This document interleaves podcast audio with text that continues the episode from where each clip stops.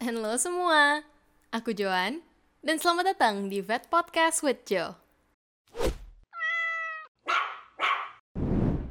Hari ini aku mau share ke kalian gimana caranya kalian mandiin anabul kalian di rumah dengan baik dan benar. Karena Piper sendiri dia grooming itu sekali-sekali doang kalau misalnya udah perlu potong kuku karena kita dia nggak suka banget dipotong kukunya jadi kita nggak bisa handle-nya. Tapi kalau misalnya untuk mandi, Piper mandi dua kali seminggu. Ralat maksudnya dua minggu sekali bukan dua kali seminggu uh, aku yang mandiin karena dia gampang banget dia nggak maksudnya dia nggak benci mandi dan dia juga short hair kan anjingnya. Jadi uh, gampang banget mandiin sendirinya. And I'm gonna share with you gimana caranya mandiin Annabelle kalian di rumah dengan benar sesuai apa yang udah pernah aku pelajarin uh, di kuliah.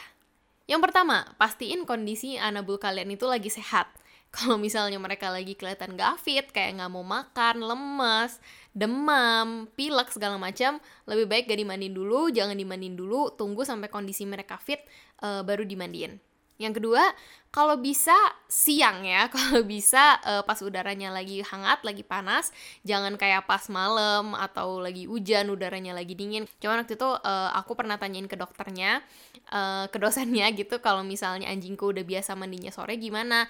Uh, katanya ya kalau misalnya udah biasa nggak apa-apa sore, cuman asal pokoknya tuh jangan udaranya tuh dingin gitu.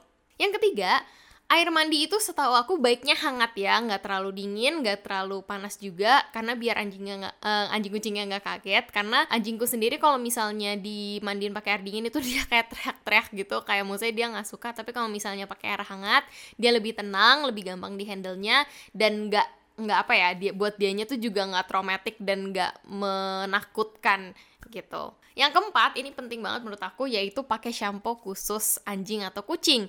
Karena ya jelas aja ya kebutuhan kulit dan rambut mereka itu pasti jelas berbeda dengan uh, rambut kita dan sesuaiin juga sama kebutuhan kulit dan rambut mereka. Misalnya uh, kulit mereka lagi gatel-gatel atau kulit mereka kering atau apa ada jamuran segala macam itu kan biasanya kan ada tuh medicated shampoo atau misalnya khusus long hair, khusus short hair, khusus yang warna putih. Sesuaiin lah, sesuaiin sama kondisi kulit dan rambut anabul kalian. Terus juga jangan lupa untuk dicegah anabulnya biar nggak jilat shampoo-nya ya. Karena nih uh, Piper anjingku dia cenderung buat suka jilat uh, shampoo-nya which is not good. Jadi kayak aku selalu uh, cegah dia lah gitu pokoknya untuk ngejilat. Yang kelima, kalau udah selesai mandi, pastiin dikeringin ya. Mau itu pakai handuk kayak mau pakai hair dryer, pakai pakai apa pun, jangan udah selesai mandi anjingnya basah-basah terus dibiarin gitu aja karena uh, aku kenal ada teman deketku juga yang anjingnya habis dimandiin terus digituin aja. Kayak ya udah biar kering sendiri. Menurut aku selain itu nggak bagus buat anjingnya, itu juga kayak rada apa ya nggak efektif aja gitu kayak udah mandi nih terus kan dia kalau misalnya masih basah terus dia kayak apa sih menggelepar menggelepar gitu di tanah kan pasti atau di lantai kayak itu kan pasti nempel debu lagi nempel kotoran lagi. Jadi kayak wasted gitu loh mandinya. Terus juga kalau misalnya uh, hewan kalian apa ya setengah-setengah kering gitu itu uh, lebih rentan untuk jamuran kayak develop jamur dan segala macamnya. Jadi pokoknya intinya selesai mandi pastiin dikeringin oke? Okay?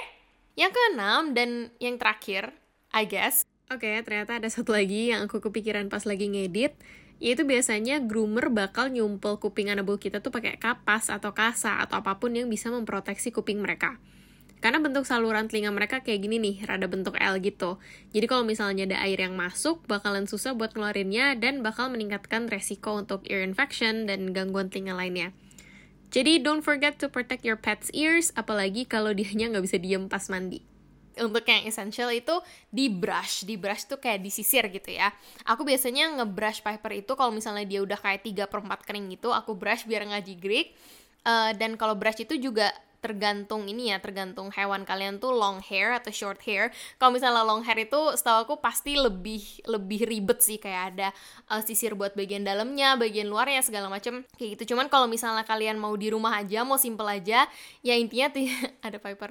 Intinya di sisir sisirnya juga agak kuat aja nggak apa-apa biar kayak bulu-bulu mati di dalamnya itu uh, keangkat. Dan ya ya udah abis itu pasti anjing kalian dan kucing kalian bakal kayak shining shimmering splendid gitu. Karena Piper juga setelah aku ngelakuin semua step ini bulunya tuh uh, rambutnya tuh halus banget dan kayak mengkilap gitu bagus banget cantik banget pokoknya so ya yeah, mungkin itu kali ya uh, tips mungkin dari aku gimana cara kalian kalau mau mandiin Annabelle kalian sendiri di rumah semoga ini bermanfaat dan ya cukup sekian untuk episode kali ini. Jangan lupa untuk share biar bisa bermanfaat bagi orang banyak, terutama untuk para pet parents di luar sana.